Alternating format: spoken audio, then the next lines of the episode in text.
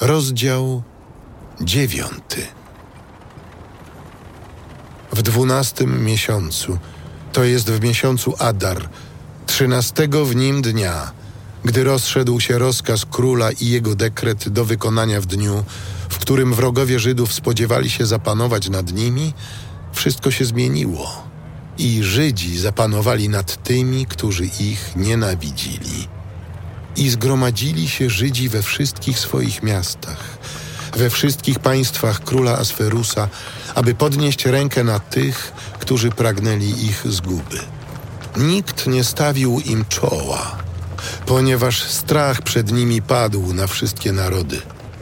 Wszyscy zaś książęta państw, satrapowie i namiestnicy i zarządcy spraw króla wspomagali Żydów, bo padł na nich strach przed Mardocheuszem.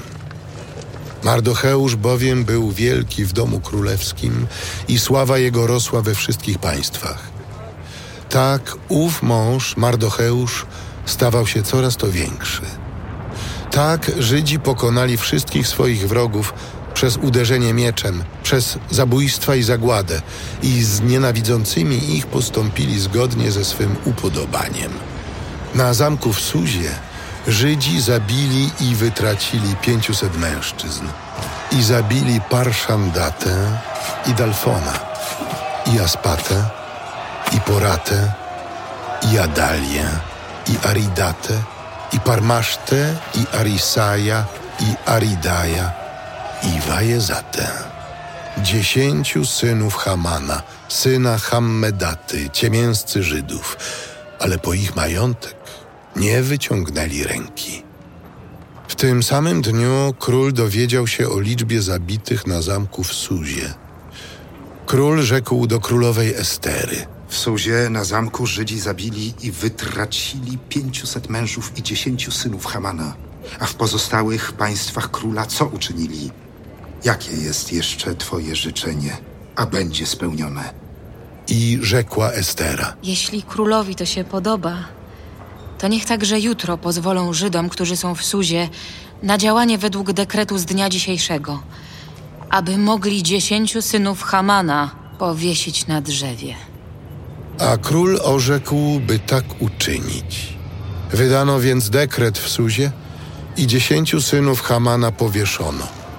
A Żydzi, którzy byli w Suzie, zgromadzili się także w dniu czternastym miesiąca Adar i zabili w Suzie trzystu mężczyzn, ale po ich majątek nie wyciągnęli ręki. Reszta Żydów, którzy mieszkali w państwach króla, zgromadziła się i stanęła w obronie swego życia. I uwolnili się od wrogów i zabili nienawidzących ich siedemdziesiąt pięć tysięcy, ale po ich majątek nie wyciągnęli ręki. Tak było trzynastego dnia miesiąca Adar, a czternastego odpoczęli i urządzili tegoż dnia ucztę i zabawę. Żydzi zaś, którzy byli w Suzie, zgromadzili się trzynastego i czternastego dnia, a piętnastego odpoczęli i urządzili tegoż dnia ucztę i zabawę.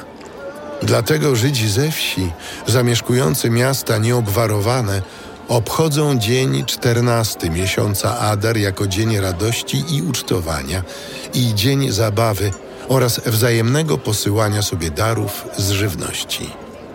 Mardocheusz opisał te wydarzenia i rozesłał listy do wszystkich Żydów, którzy byli we wszystkich państwach króla Asferusa, blisko i daleko, aby im wydać polecenie, że mają obchodzić jako święto dzień czternasty w miesiącu Adar i piętnasty w nim rokrocznie, jako dni, w których Żydzi uwolnili się od nieprzyjaciół i miesiąc, w którym smutek obrócił się im w radość, a żałoba w wesele, aby obchodzili je jako dni ucztowania i radości oraz wzajemnego posyłania sobie darów z żywności przyjaciołom i darów z żywności ubogim.